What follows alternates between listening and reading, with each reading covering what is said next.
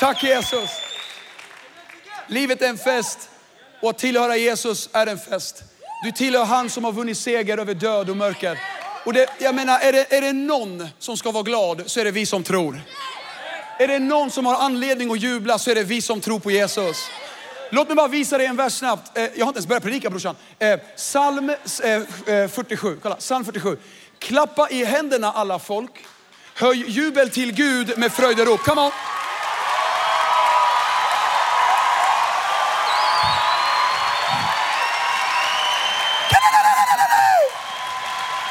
Tack Jesus. Wow. När Gud gav sitt eget namn. I grekiskan står det att han heter eh, Theo. Theo på grekiska. Och eh, det är det ordet vi får ordet enthusiasm ifrån. Så när Gud ger sitt eget namn så sätter han entusiasm i sitt eget namn. Det säger mig att vi som tillhör Jesus, är det någon som ska vara entusiastisk så är det vi som tror. Är det någon som, som vet vad jubel är så är det vi som tillhör Jesus. Och vi vet vad som kommer hända när vi dör. Vi kommer fortsätta leva hos vår Herre i evigheten. Livet är en fest brorsan och, och livet är för kort för att liksom gå omkring och sura. Och, och, eh, eh, eh ta tag i det här. Ta tag i det goda Gud har för dig. Gud har så mycket mer för dig. Och, och ikväll så har jag ett ord på, på riktigt. I flera månader har jag gått och tänkt på vad jag ska prata om nu. Eh, Och jag är så glad för det temat jag fick tilldelat. Jag ska prata om den lokala kyrkan, det är något som bara brinner här inne. Och, och, och min predikan ikväll den heter Take me to church. Kan inte du bara slå din kompis eh, bredvid dig och säga så här, Take me to church. Och, och, ja.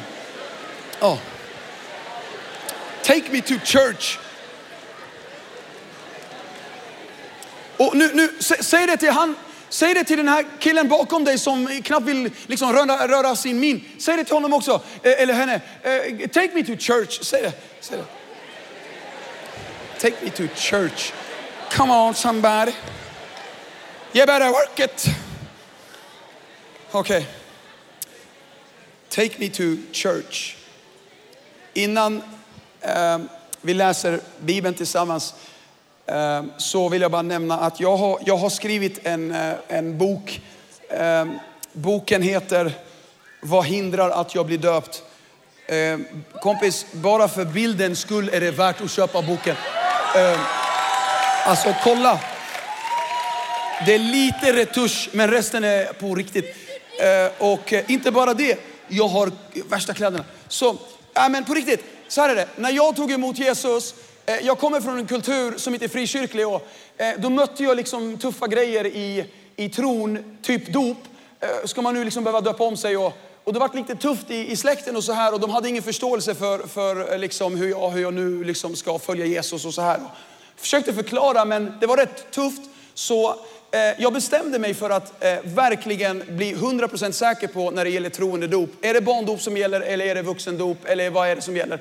Så jag, jag tog faktiskt, jag fick inte döpa mig, jag skulle bli utkastad liksom om jag gjorde det. Och jag bara, okej det här är big deal liksom, så jag måste veta vad jag gör. Och någon hade sagt att om man döper sig igen, om man är barndöpt, då, då, då liksom skrivs man av från himmelriket. Så man kan inte begrava och uppstå Kristus en gång till. Och jag var så här crazy förvirrad då. Jag tänkte, men vad gäller då när det gäller dop? Får man döpa sig eller hur, hur funkar det? Så jag gjorde det som mitt nummer ett ämne när jag gick bibelskola.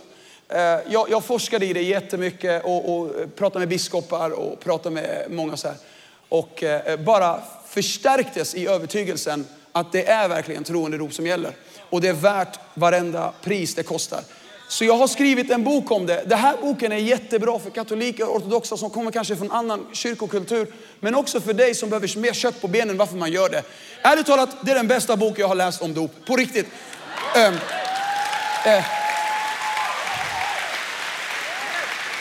Kan jag få en sån här eh, John Gray handduk? Ja, det är några som förstår vad jag menar. Jag känner mig svettig. Ja, whatever. Men jag har två stycken. Det finns mycket bra pris, eh, nya musik. 120 kronor kompis, det är jättegratis. Så eh, köp ett exemplar, ge till din kompis. När du har läst den, ge den till någon annan jag vill att det här, alltså den här forskningen jag lagt ner är inte a waste. Det är verkligen bra grejer. Och eh, eh det sågar sönder barndop helt enkelt på ett bra sätt, teologiskt sätt. Det är teologi och det är min personliga historia hur jag kom till tro på Jesus. Vem vill ha de här? Hey, brorsan! Oh, oh. Eh, eh, Daniel Habibi, Daniel. Okej. Okay. Okay. Det är fördel att sitta långt fram, ni som sitter i läktaren. Okej. Okay. Okej låt oss be. Låt oss be. Nu ber jag dig Gud att det här budskapet ska landa i varje hjärta.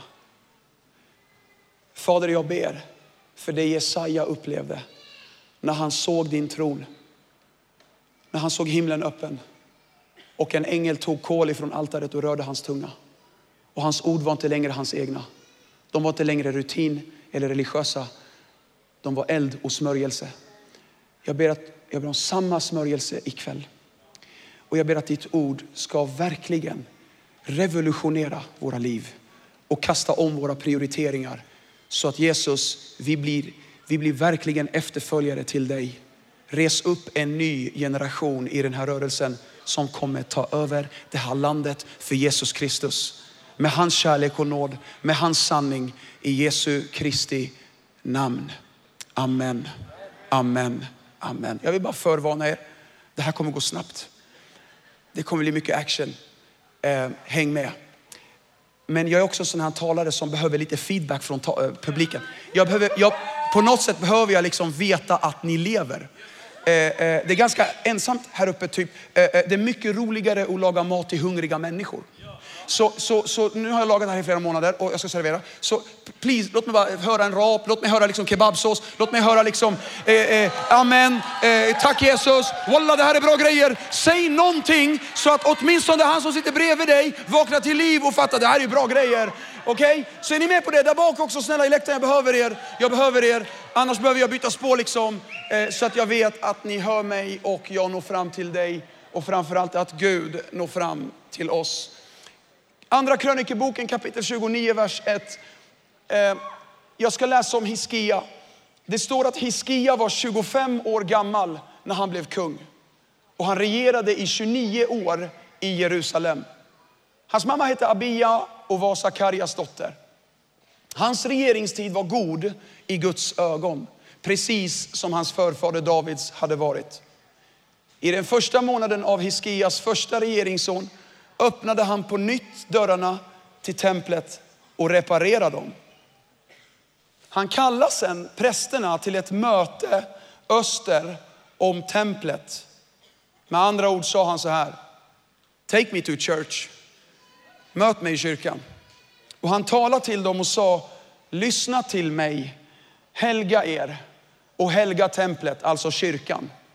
Det är inte hockeyrinken, templet är kyrkan. Som är byggt åt Gud, era förfäders Gud, Herren. Rensa allt orent ur den. Jag hoppar till vers 16. Prästerna renade templets inre och bar ut det orena och sen vidare till bäcken Kidron. De helgade sen Guds hus under åtta dagar. Jag läser från vers 25. Hiskia organiserade leviterna, man skulle kunna säga att det är worship-teamet.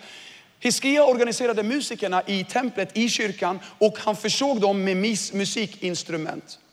Det här var i linje med Davids och profeterna Gads och Natans föreskrifter som de hade fått ifrån Gud.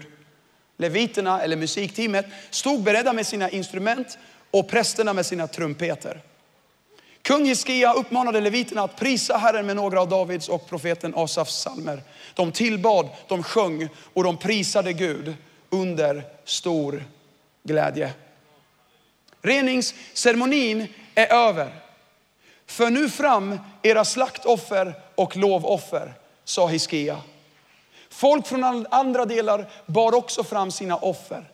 Och de som av sitt hjärta ville bar också fram offer eller typ gåvor. Kan ni säga nästa tre ord med mig i vers 35? På detta sätt, på det sättet blev templet eller kyrkan återupprättad. Så att man kunde offra där igen. Hiskia och folket var jättelyckliga över att Gud så snabbt hade hjälpt dem med allt det här. Tillbaka till vers 4. Vi läste att Hiskia han var kung och, och han kallade till alla präster. Han sa hej, kom till kyrkan, möt mig i kyrkan. Hiskia han levde i en tid där kungen före honom hade förstört hela landet. Han levde i en tid där jättemycket problem hade kommit in bland folket och i nationen. Han levde i en tid där alla hade lämnat Gud och typ skippat kyrkan. Kyrkan var inte viktig längre. Och, och Gud visade honom, det finns bara en lösning för att landet ska bli upprättat igen. Det finns bara ett sätt för att Gud ska välsigna vårt land igen och vårt folk igen och våra kyrkor igen. Och det är, jag måste få mitt folk tillbaka till huset. Vi läser det nu. För om inte de fick en väckelse i sin tro, om inte de fick en väckelse i sin, i sin tillbedjan, i sitt land, då, då, kom, då, kom, då finns det inget hopp. Då är det kört. Då kan, då kan, då kan hela landet bli helt världsligt och vi kommer gå förlorade. Det finns inget hopp. Problemen hade uppstått av två anledningar, hade Gud visat Hiskia. Nummer ett, de hade lämnat Gud. Nummer två, de hade lämnat den lokala kyrkan. Kyrkan var inte längre viktig för folket. Och på grund av att kyrkan inte var viktig för folket, då börjar förbannelse leta sig in. Då börjar liksom gräshopparna äta upp skörden, typ. Då börjar liksom, det blir hål i fickan och hur mycket än de jobbade, det var hål i fickan. Det kom förbannelse över landet för att de hade övergivit Gud, men inte bara Gud, utan också templet. Gud sa genom en profet som heter Hagai så här. Lägg märke till hur det går för er. Lägg märke till hur landet mår. Ni sår jättemycket, ni, ni kämpar, ni skördar jättelite.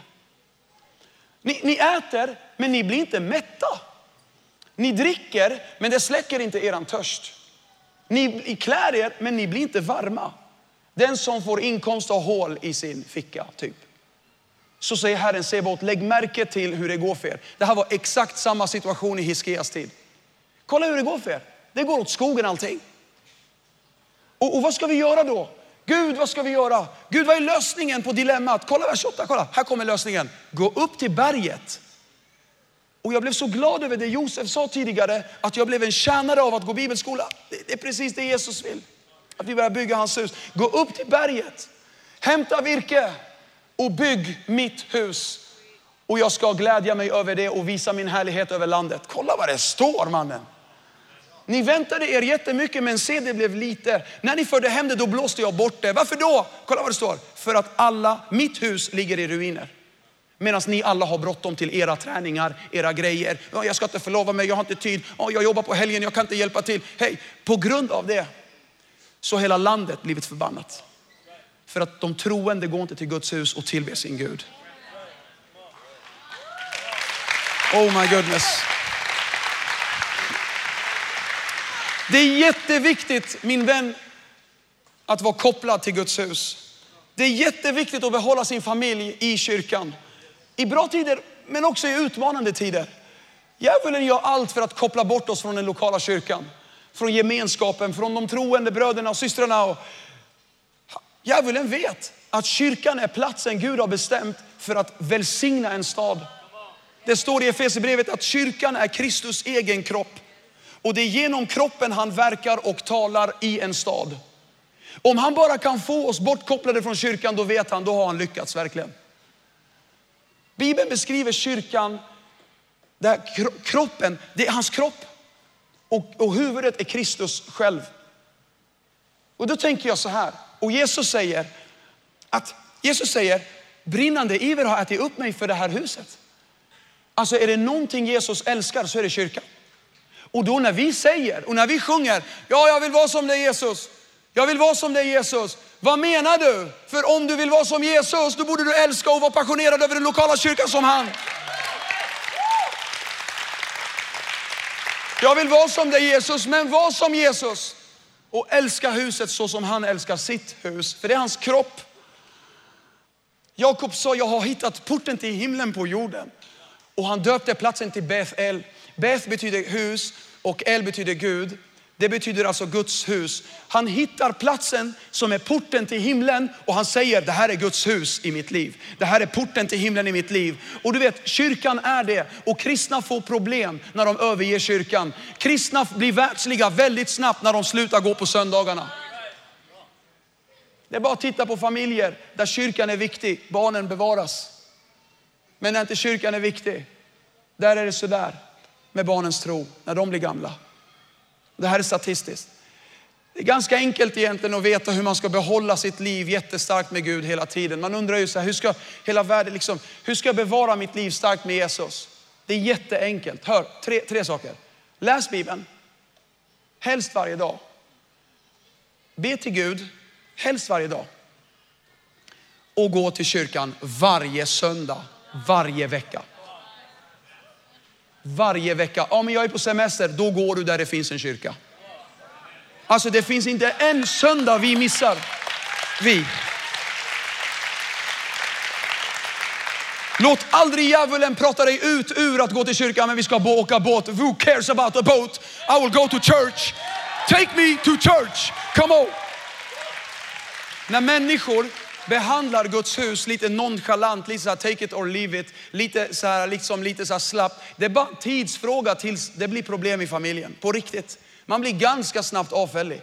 Hiskia visste, om jag bara kan få tillbaka folket till kyrkan, om vi kan bara ha Nyhemsveckan igen, om vi kan bara ha väckelsemöte igen, om vi kan bara sjunga de där sångerna vi sjöng förut, om vi kan bara predika som vi predikade förut, om vi kan mötas upp i kyrkan igen och ha väckelse igen, då vet jag att Gud kan återställa vårt land och välsigna vårt folk igen. Oh, praise the Lord. Vet ni vad jag har lärt mig? Jag har lärt mig att, att applådera på det här sättet och typ tacka Gud och liksom uttrycka sin kärlek till Gud. Vet du, det är inget kopplat till etnicitet. Det är så lätt att tänka, äh, de där afrikanerna, de är helt vilda. Men vi, vi svenskar, ta det lugnt. Eller ni, ni dansar och ni är så och ni är så. Men det är klart, det är klart, det liksom ligger i blodet, vi gillar att dansa. Men vet du, vet du vad jag har lärt mig? Det, praise och, och att tillbe Gud. Lyssna, när djävulen frestade Jesus i öknen, då står det i Bibeln att han krävde att Jesus skulle fysiskt böja sina knän och tillbe honom och säga, du, eh, jag tillber dig och då skulle han få alla riken på jorden. Alltså, och jag, jag, jag läste det en dag och jag tänkte, vart ifrån fick Satan det där? Att han krävde, inte bara att Jesus sa det med sin mun, utan också att han visade fysiskt underkastelse för Herren Satan typ. Och vet, han krävde att killen skulle böja sina knän. Och, och, och Jesus svarar, endast Gud ska du tillbe. Det var svaret, så han gjorde ju inte det självklart. Men jag bara, det bara slog mig. Men vartifrån får djävulen den där önskan att, att, att respektera mig, visa det fysiskt? Och du vet, jag tror att han fick det från Gud i gamla testamentet. För att överallt i gamla testamentet så visade folk sin praise.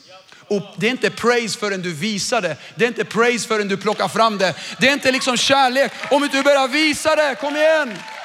Lyssna, lyssna. Det har inget att göra med vilken nationalitet du har. Utan det har allt att göra med storleken av helvete Jesus Kristus har tagit dig ut ur och storleken av himmel han har tagit dig in i. So you better praise him. Du vet, om, du har, om, du har, om Gud har tagit dig ut ur lite synder och lite problem, då blir liksom worship så här, liksom, så här lite halvförsiktigt, lite, så här, lite, lite larvig, ärligt talat lite, lite, lite patetiskt. Alltså inte alls attraktiv. På riktigt så här, lite så här, jag skäms för det men okej, okay, kanske hit och nu är jag väldigt glad. Oh, dit. Och man har tagit dig ur ett li, liksom lite, lite större problem, liksom lite så här, oh, han har faktiskt hjälpt mig ganska mycket. Men vet du, om han har räddat dig från mörker, om han har, han har förlåtit dina synder, om han har öppnat himlen för dig. Ja bror, vem ska du skämmas för? Vi skäms inte för evangelium. Det är Guds kraft som frälser var och en som tror. Eller hur elektor? Allvarligt kan vi bara ta en break i den här predikan. Ställ dig upp och bara ge Jesus! Wow! Jesus! Vi älskar dig Jesus! Wow! Oh! Okej. Okay. Sätt dig. Hiskia, han sa, Gud kan återställa vårt land om vi börjar prioritera templet igen. Lamporna hade varit släckta jättelänge. Lovsången hade inte hörts på kanske tiotals år. Ehm, det var ingen som gick dit. Eh, kanske det hade börjat mögla. Kanske eh, liksom, eh, det började leta sig in råttor i huset. Och kanske det var liksom mm, spindelnät över hela talarstolen. Och, och, och du vet, var ska vi börja Gud? Hela landet är i kaos. Var ska vi börja? Och Gud säger genom Hiskia i vers 3 står det att det första Hiskia gör och det första vi gör, vet du vad det är? Vi ser till att dörrarna öppnas igen. Jätteenkelt. Vi ser till att dörrarna är öppna till kyrkan. Vad betyder det? Vi ska inte stänga i sommar. Vi ska se till att det är kyrka varje söndag. Vi ska inte gå ihop med 45 andra. Äh, vi ska se till att det är kyrka här. För djävulen tar inte semester. Och det är på sommaren han jobbar väldigt hårt.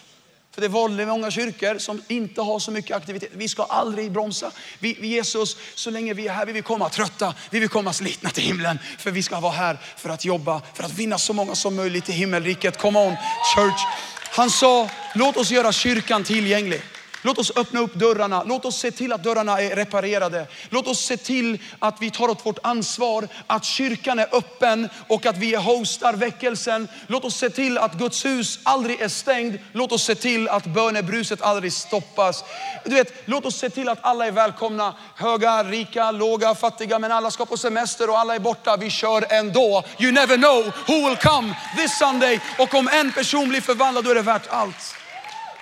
Låt oss se till att alla får komma oavsett läggning, oavsett eh, situation i livet, oavsett social status, oavsett färg på, på huden. Alla är välkomna för dörren är alltid öppen i vår stad till den här kyrkan. Vi är en kyrka för dig. Come on! Och det är vår uppgift. Gud sänder oss. Det andra Hiskia gjorde, han såg till att dörrarna var öppna. Det andra han gjorde, han kallade till ett väckelsemöte som ikväll. Han sa, ni som vill ha väckelse, take me to church. Ni som vill ha beröring av Gud, ni som vill tillbaka till hjärtats lovsång, låt oss mötas upp i kyrkan. Ni som, ni som vill få tillbaka era familjer och ni som vill se landet förändras, kom till kyrkan. Möt mig vid den östra platsen vid templet. Alltså, möt mig vid altaret, typ, sa han. Hiskia var smart. Han sa inte till dem, Kom så ska vi ha väckelsemötet för att eh, musikteamet har övat jättelänge. Han sa, bara, han sa bara, kom till kyrkan, vi ska ha väckelse. Och han, vet, han ägde upp något i deras hjärtan. Och alla kommer och när de kommer så står han vid dörren. Varsågod en sopkvast, varsågod en disktrasa. Och nu ska vi städa. Det var en städdag. Och du vet, ska vi ha Gud tillbaka till vårt land? Ska vi ha Gud tillbaka i våra städer? Ska vi ha Gud i våra kyrkor? Det börjar med att städa lite. Det börjar med att plocka ut lite synder och in lite helighet. Och du vet, jag kan nästan se de här killarna gå omkring där med sopsäckar och plocka skräp. I mannen, han sa till mig att vi ska ha väckelsemöte. Vad är det här? Vi går och plockar skräp. Men det är så det börjar, det finns inga shortcuts. Det är så det börjar. Saliga är ni som sörjer, ni skall ärva Guds rike. Sorg är inte sorg över att någon har dött. Sorg över att jag sörjer över synden i vårt land och jag sörjer över synden i min familj. Och saliga är ni om ni sörjer. Ni skall ärva Guds rike. De började med att städa. Altaret var inte polerat. Kanske någon hade rökt på i dopoolen. Jag vet inte. Eh, kanske någon hade invaderat stället. Eh, jag vet inte. Come on. När jag läser den här texten, eh, predikar i vår egen kyrka och, och jag, bara, jag bara såg en sak. Bara, wow, under predikan såg jag, alltså det, det var ingen som hade vandaliserat templet. Det var ingen som hade brutit upp dörren och liksom Eh, bott där och förstört. Utan Gud visade mig att det var bara en, ett, en konsekvens av att ingen bara skötte om templet. Lyssna. Vet du vad som händer om du lämnar din lägenhet en hel sommar? Vet du vad som händer med din trädgård om du inte gör någonting mer än en hel sommar? Du åker bort och så kommer du tillbaka i september och tror att allting är precis som det var när du lämnade. I kid you not. Hela gräsmattan är full av ogräs. Eh, eh, säkert damm. Absolut har saker gått sönder. Kanske det droppar någonstans. Grejer börjar hända för att ingen sköter om det. Det krävs inte att någon förstör. Det krävs bara att du inte gör någonting. Hör, hör. Hur ska jag göra för att tappa bort Gud i mitt liv? Gör ingenting. Be inte, läs inte Bibeln, gå inte till kyrkan. Jag garanterar dig, du kommer att förfalla i världslighet igen Stäng bara av motorn på flygplanet. Det dyker igen för tyngdlagen tar över. Vi behöver underhålla Guds hus. Vi behöver se till att dörren är öppen. Vi behöver se till att grejerna funkar och varje vecka är vi ready for fight. Whoever will come, vi är redo för alla människor som Gud skickar till vårt hus och till vår kyrka. Vers 16 läste vi. De renade templets inre och bar ut det orena. När vi försummar, alltså struntar i kyrkan, det är då templet börjar fyllas på med andra grejer. Kyrkan börjar fyllas på med andra grejer. Det börjar hända grejer. Och Bibeln säger att de tog de här sopsäckarna, Caesars sopsäckar, de tog det till en bäck som heter Kidron och de började hälla smutsen i Kidronbäcken. Se Jesus blod. De tog sina synder, de tog sitt liksom avfällighet, de tog allt det där och de gick fram till en flod som heter Kidron och de började hälla det i floden och de bara såg hur floden bara lät allting forsa bort. Och när de gick tillbaka, då står det i Bibeln att på åtta dagar var templet tillbaka i sin fornstora härlighet. Det säger något om Guds nåd och Jesus blod, vad den kan göra i våra liv. Du vet, vi tar, ja Gud, jag har sumpat så många år. Jag har missat så många chanser, men hans nåd är ny idag. Vad Gud kan göra ikväll, han kan få dig back on track i din fornstora härlighet på bara en vecka.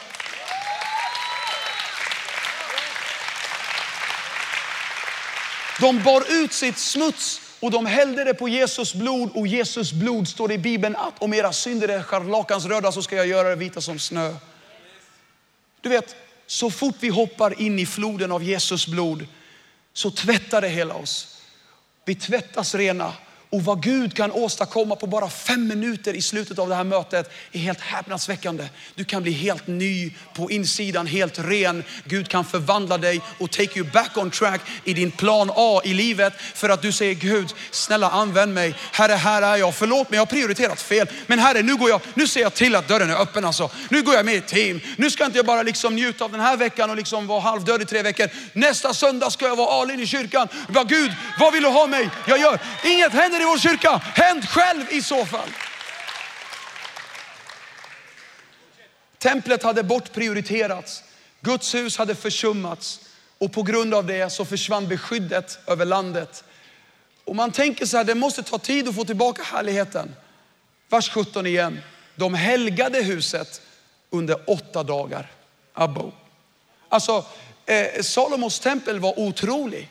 Folk häpnade över skönheten. Bara åtta dagar senare var det lika snyggt, lika vackert, lika starkt. Åtta dagar, det är söndag till söndag. På åtta dagar.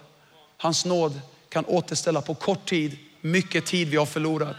Den helige ande kan ta dig från ikväll till bara några dagar fram till du är helt återställd. Du är back on track i Guds vilja för att du har valt att jag ska rena mig. Jag ska helga mig. Jag ska se till att, att grejerna funkar i min stad så att folket kan få väckelse. Bara en vecka senare så kände man inte igen templet. Allting var återställt. Lovsången hördes igen. Predikandet var igång igen. Det som var kaos blev kosmos, typ. Du vet, jag vet inte vad djävulen har fyllt dig med. Jag vet inte vad du har för saker du behöver ta itu med. Men en sak vet jag, att min Herre han är stark. Och vad han kan göra nu, han kan förvandla dig. Oavsett vad du har gått igenom i ditt liv. Efter det sa Hiskia så här, nu när vi har förlå bett förlåtelse för våra synder, nu när vi har burit ut vårt smuts, nu när vi har öppnat dörrarna igen, låt oss prisa Gud igen. Och Bibeln säger att han, han gav musikinstrument till musikerna. Och du vet, och han sa med andra ord, hej, låt oss prisa Gud före vi ser väckelse. Alltså, de, de, de hade inte sett någon förändring i landet, men han sa, låt oss sjunga lovsång igen som att vi redan har det. Låt oss prisa Gud före det händer. Det är så lätt att hamna i modlöshet och tänka, det kommer aldrig gå det här. Det är så lätt att se glaset halvtomt istället för halvfullt. Det är så lätt att fokusera på det man inte har och glömma faktiskt det jag har. Det är så lätt att bara titta på de här grejerna och glömma att detta är faktiskt dagen som Gud också har gjort. Bibeln säger prisa Gud före det händer. Jesus mötte några spetälska, han bad för dem. De blev inte friska. Han sa gå och visa för prästen. Medan de gick blev de helade. Han sa gå, gå prisa Gud före det händer. Gå och visa för prästen. Och medan de prisade Gud så kom ett mirakel. Paulus och Silas är i fängelset. De har precis fått kokstryk för att de tillhör Jesus och gjort bra saker. Och de är bundna till stockar i det innersta rummet och de har inte gjort dumma grejer. Och de kunde ha sagt, varför gör du så här med oss? Gud, varför gör du så här med oss? Varför händer det här oss? Och de kunde ha skällt och gnällt och varit arga på Gud och sagt, Gud, vi gör ju goda saker, varför händer det? Vet du vad Bibeln säger? De sa, Brother, are you ready to praise the Lord? Typ. Och så säger han, oh, I sure am. Och då tänker jag så här, vilken tur att Paulus inte hamnade i samma, samma fängelsecell som syster Surströmming och bror Bitter. Och eh, liksom, för att om inte han hade fått igång the praise med två, hur ska det bli genombrott? Bibeln säger att om två eller tre av er kommer överens om att predika om något så ska ni få det av Fadern i himlen. Så det krävs bara två ikväll för att få väckelse. Och de börjar prisa Gud. De börjar sjunga frihetssånger. Jag är fri, jag är fri Jesus. Yeah right. Du är bunden till stockar och din, din rygg blöder. Och de sjunger jag är fri, jag är fri Jesus. Och Gud blir så glad över dem bönerna och sångerna så Gud själv kommer ner och inte bara deras fängelsedörrar öppnas, allas fängelsedörrar öppnas. Inte bara de blev fria, hela raden blev fri för att få bestämde sig och prisa Gud. Bror, hör vad jag säger. Prisa Gud före det händer. Vår kyrka suger. Prisa Gud före det händer. Vi har ingenting. Prisa Gud före allting kommer falla framför er. För att vi söker först Gud och hans rättfärdighet. Wow! Då ska allting annat ramla framför oss. Wow, I feel happy today. Bibeln säger att, Bibeln säger att han befallde dem att sjunga. Han sa inte, hörni ni som känner för det, sjung. Han sa, vilken känna? Jalla, res upp era händer och prisa Gud. Det står det. Han frågade inte, hörni ni som är så här, känner för det liksom. Han befallde dem. Och när de börjar lovsjunga, då står det att hela himlen rivs upp som en zipper, liksom dras. Bara, zip, och så bara hälls elden ner. Och glädjen kommer. Friheten kommer. Men allt börjar med att han sa, möt mig vid altaret. För vi ska ha väckelse. Låt oss nu bära ut allt orent. Och låt oss sjunga som vi sjöng. Låt oss mötas vid altaret. Och jag tänker så här, vad viktigt det är att vi träffas. Vad vikt, inte bara Facebook träffas, träffas live i kyrkan. Paulus sa i Hebreerbrevet så här, kolla vad det står. Låt oss, inte, eh, låt oss orubbligt hålla fast i hoppets bekännelse. Låt oss ge akt på varandra och låt oss inte överge våra egna gudstjänster eller möten som en del har för vana, utan uppmuntra varandra att vara trofasta varje söndag. Efter det, i vers 31 säger Hiskia så här, nu är det klart. Låt oss föra fram våra slaktoffer och lovoffer. Och folk från alla delar bar fram offer till Gud. Och de som av sitt hjärta ville bar också fram han sa alla som vill ha vidrörande av Gud, alla som inte är nöjda, du som inte är tillfredsställd, du som vill ha mer av Gud. Take me to church.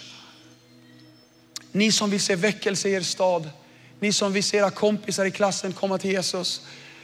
Ni som inte tycker om hur ditt liv ser ut just nu och du har försökt och försökt och det har inte funkat. Take me to church. Ni som känner liksom att den där relationen sprack och det där hände. Jag vill börja om Gud. Take me to church. Take me to church. Jag undrar hur många ikväll som säger Gud, möt mig. Jag är redo att bygga ditt hus. Förlåt för alla felprioriteringar, alla synder. Gud, jag bär ut det framför dig. Förlåt mig, jag lägger mig raklång framför ditt altare. Jag ber dig om förlåtelse. Jesus, förvandla mig. Jesus, du kan räkna med mig. Jesus, låt oss bli en ungdomsrörelse i den här rörelsen som bara tar över hela Sverige med din kärlek och din nåd. Jag såg framför mig och jag, jag, jag frågade helige ande, vad vill du göra ikväll? Och jag såg som en bild framför mig att vi ska göra fyra saker. Nummer ett, så ska vi bestämma oss att se till att dörrarna är öppna i vår lokala kyrka. Ja, men vi, vi är inte så många. Herre, du kan räkna med mig i alla fall. Jag och min fru, Gud talade till oss att starta en kyrka i Södertälje. Vi var helt själva. Vi sa Gud, vi känner ingen, kan inget, har inga pengar. Vi, vi tillhör inte ens den här rörelsen. Vi, vi känner ingen. Använd oss Herre, här är vi. Idag är vi hundra. Vi, har, vi döpte 28 förra året. Vi har en, jag är jättetacksam till vad Jesus gör. Här sitter det 20 stycken, alla, 25 kanske. Kan Gud använda mig? Han kan använda dig. Ska vi bestämma oss? Herre, du kan räkna med mig. På de här axlarna kan du lägga grejer, Gud. Gör mig till en pelare i ditt hus. Nummer två, vi ska rena oss och bekänna våra synder. Säga Gud förlåt för fel prioriteringar. Förlåt att vi inte har planterat oss och gått all in. Förlåt att vi har haft en hög bekännelse men inte levt upp till den bekännelsen. Nummer tre, vi ska göra som de gjorde. Vi ska ställa oss upp och prisa Gud. Vi ska sjunga som vi brukar sjunga. Är du med? Vi ska tacka Gud. Vi ska lyfta upp hans namn. Bibeln säger att när människosonen blir upphöjd, där kommer han dra alla folken till sig. Och nummer fyra, alla som vill ha väckelse, möt mig vid altaret. Möt mig här. Ja, vi kommer bli jättemånga, men det spelar ingen roll. Det viktiga är att om vi tänker oss nu under hela min predikan här, så har som lampan varit på mig. Men det är som att i ett eftermöte som vi ska ha nu, så är det som att Guds änglar riktar om lampan mot ditt hjärta och Gud frågar dig, vad ska du gensvara till vad jag har sagt till dig? Hur ska du gensvara? Ska du stålsätta ditt hjärta eller ska du fram och gråta tårar och bestämma dig? Jag går all in. Jesus, du kan räkna med mig. Herre, jag är slarvig, jag vet, men Herre, förändra mig. Du har all makt i himmel och på jord. Använd mig. Och jag såg det som så här. Worship-teamet kommer komma upp nu. Vi kommer sjunga en sång. Under sången så vill jag att vi alla står upp. Vi står upp allihopa i respekt för Gud och i för hans helighet. Och i sången så vill jag att du bara lämnar din plats och kommer fram. Det kanske du, du får stå i gången, du kanske får stå där. Det spelar ingen roll. Låt oss packa det här stället och vi säger Jesus, vi är ganska många och vi bestämmer oss att i vår stad så ska grejerna funka. Vi ska sjunga en sång nu och säga Herre kom med väckelse i min familj. Herre kom med väckelse i min släkt. Herre, här är jag, sänd mig. Herre, bygg din kyrka. Och i vers 35 stod det, Gud upprätta templet. Hopp kom till landet och Gud började välsigna familjerna och väckelse kom i tron på Gud. Innan vi sjunger, se den här bilden på kvinnan bara. Maria som tvättar Jesus fötter. Hon har fått sina synder förlåtna och Bibeln säger att hon gick fram till Jesus medan Jesus var med lärjungarna. Hon tar en flaska med alabasterflaska med nardusolja. Bibeln säger att den var värd 300 denarer.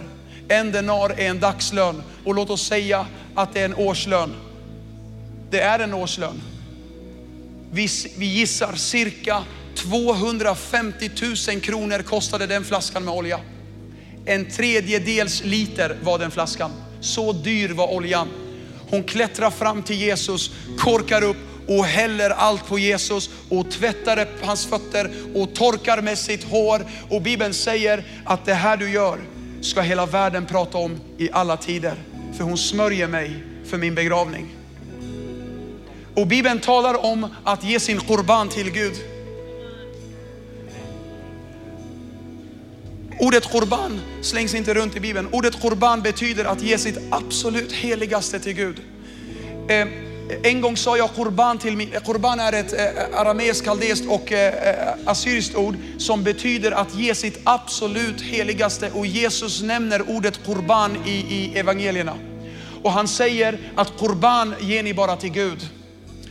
Och, och eh, när jag en gång var med min fru då, Charlotta, jag sa Habibi Qurbani, sa jag till henne. Och min ammo, min farbror, han ser mig och säger Olak, hush, du säger inte Qurban till en människa, inte ens din fru. Jag bara, Kaj, varför?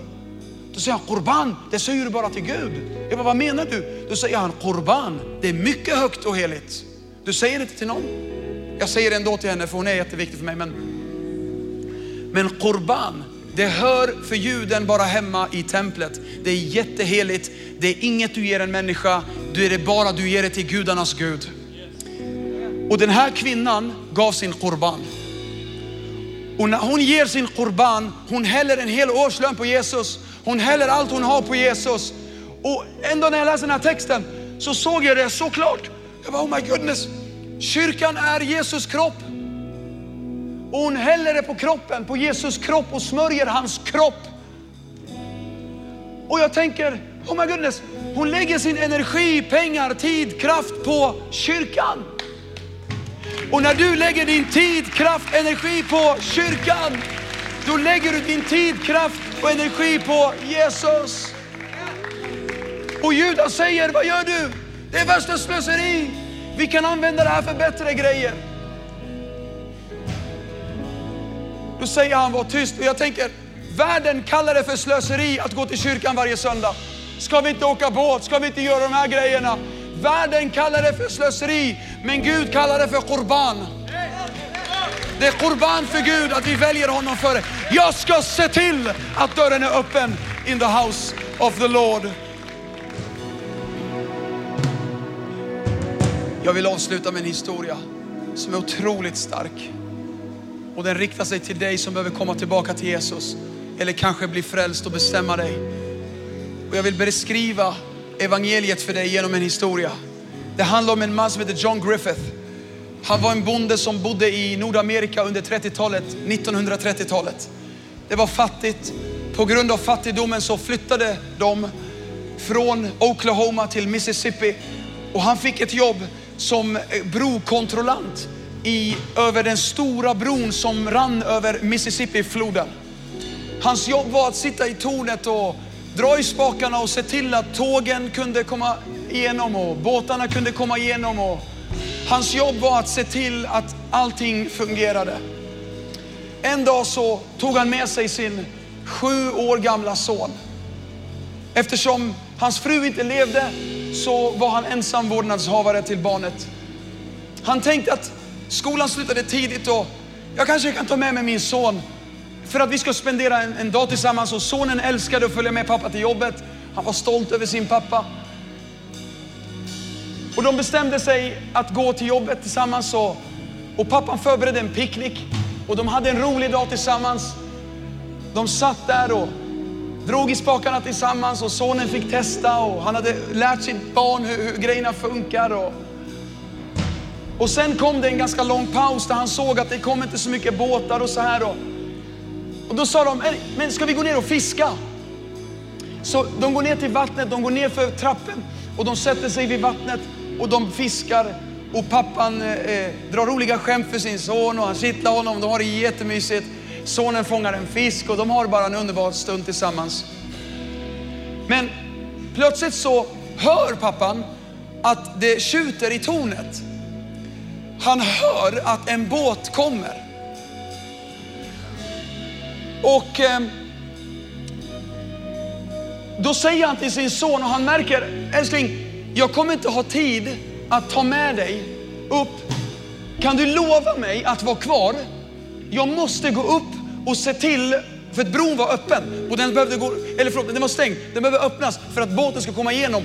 Och, och han var stressad. Han sa, älskling, jag hinner inte ta med dig. Lova att vara kvar så ska jag bara gå upp, öppna eh, så att båten kan komma igenom och eh, eh, var kvar här. Lovar du mig att vara kvar? Ja, jag lovar pappa. Pappan springer upp och det var precis att han hann öppna upp så att båten kunde komma igenom. Och båten kom igenom, sonen ligger där och fortsätter fiska, har det mysigt och väntar på att pappa ska komma tillbaka. Medans farsan håller på uppe i tornet så ser sonen, det, det ryker bland eh, tallarna i eh, träden. Det, det, det kommer rök. Han förstår att ett tåg kommer och bron är öppen. Och sonen börjar ropa till sin pappa. Pappa, pappa, pappa, pappa, det kommer ett tåg. Pappa, det kommer ett tåg. Pappa, det kommer ett tåg. Han ropar och ropar och ropar och pappa hör ingenting. Och, och den här pappan, han, han liksom förstod inte att det här hände och så så, åh hjälp, det kommer ett tåg liksom. Han upptäckte det för sent. Men när han tittar ner, då ser han att hans son inte är kvar, utan sonen var borta. Och vad sonen hade gjort, det var att han klättrade upp till rälsen. För pappa hade visat honom att det finns en nödspak nära rälsen. Om man drog i den, då gick eh, eh, bron ner ganska snabbt. Och sonen sprang upp, drog ner eh, den här eh, spaken, men han fick inte ner den hela vägen. Så han behövde liksom klättra ner lite och sparka lite. Och när han sparkar så ramlar sonen i. Och, och, och pappan, han tittar, vart är min son? Vart är min son? Och när han tittar så ser han det ögonblick där hans son ramlar i. Och han förstår, vad ska jag göra? Han fattade, han började få, bli förtvivlad. Då. Han visste att jag hinner inte gå ner och hjälpa honom. Jag hinner inte liksom stoppa tåget. Vad ska jag göra? Min son eller 200 liv i tåget? Oh. Och Bibeln säger att, förlåt mig, historien, legenden berättar att han blundar, drar i spaken och dödar sin egen son. Så att 200 liv kunde räddas. Och pappan springer ner och han skriker vid rälsen. Han skriker och de i tåget ser pappan och de hade ingen aning om vad pappan hade precis gjort. De hade ingen aning om att han precis offrat sin son så att de kan leva. De hade ingen aning om det priset pappan betalade för att de skulle kunna leva. De bara mind their own business och bara, ja vad gör han? Varför är han så ledsen? För 2000 år sedan så såg fadern på när hans son spikades upp på ett kors för dig och mig. Och han kunde ha valt min son eller de här människorna som ändå hatar mig. Och fadern bestämde sig i sin kärlek. Jag ger min son som ett offer så att de som inte tycker om mig ska kunna komma till mig åtminstone. Och fadern offrade sin son och han såg på när Jesus dog och slogs ihjäl och gav upp andan. Min vän, det Gud har gjort för dig genom Jesus är helt otroligt. Och du visste ingenting. Men nu vet du. Och att inte säga ja till hans erbjudande om frälsning, det är att gå evigt förlorad. För Fadern visste hur viktigt det var att han gjorde det här. Det handlar om evigheten för människan. Du kommer inte till himlen för att du tillhör en kristen familj eller, eller något sånt. Du kommer till himlen för att du själv bestämmer dig och blir född på nytt. Och, och jag bestämmer mig att tro på Jesus. Och jag bestämmer mig att komma hem till Gud. Kan alla blunda i hela, hela, hela hallen?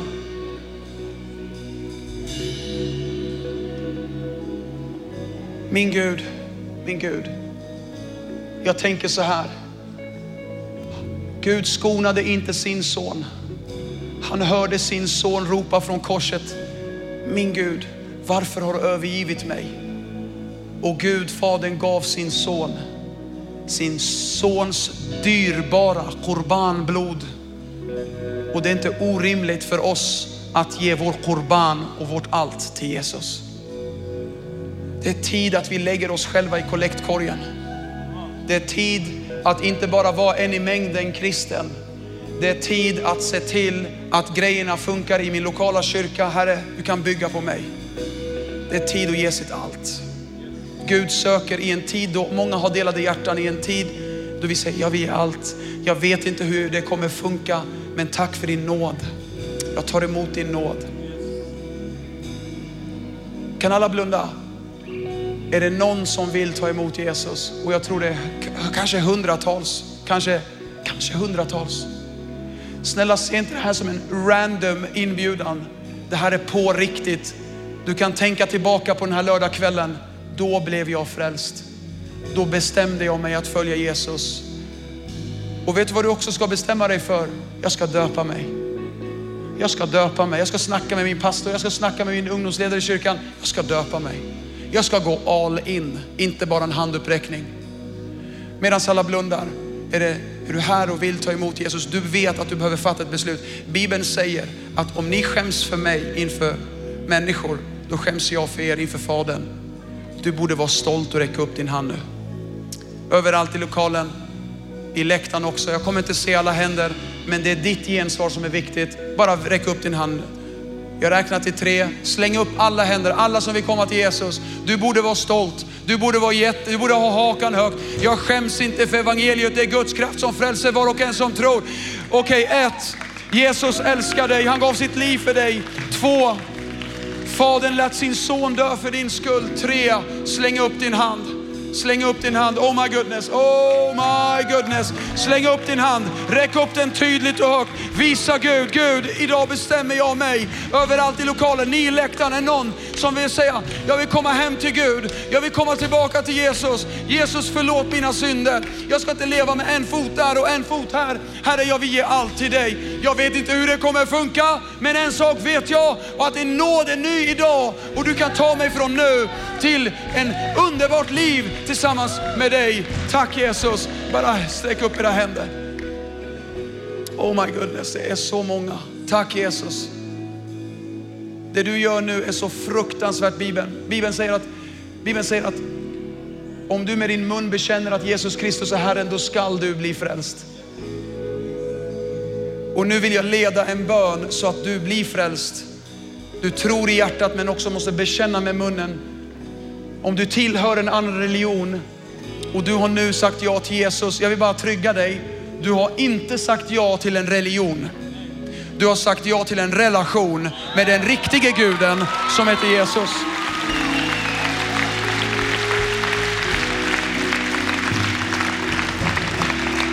Okej, okay. ska vi be tillsammans? Hela hallen, särskilt ni som har räckt upp era händer. När jag har sagt amen, då kommer bandet spe, spela en sång och låt oss bara ge allt. Okej? Okay? Okay, låt oss be. Gode Gud. Hela hallen, särskilt ni som har räckt upp er hand, även ni i läktaren, be tillsammans med mig. Gode Gud, jag har hört om Jesus och jag bekänner att Jesus, du är min Herre. Förlåt mina synder. Jag bär ut allt orent. Jag häller det på Jesus blod. Jag utgjuter mitt hjärta. Jag ger mitt liv. Jag vänder om. Nu bestämmer jag mig att från och med idag är Jesus min Herre. Jag säger nej till djävulen. Jag säger nej till helvetet. Jag säger nej till synden. Och jag säger ja till dig Jesus. Jag säger ja till himlen. Och jag säger ja till att bygga din kyrka Herre.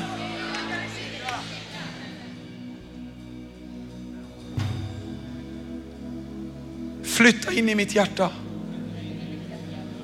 Hjälp mig att leva så som du vill. För jag står med upplyfta händer inför dig.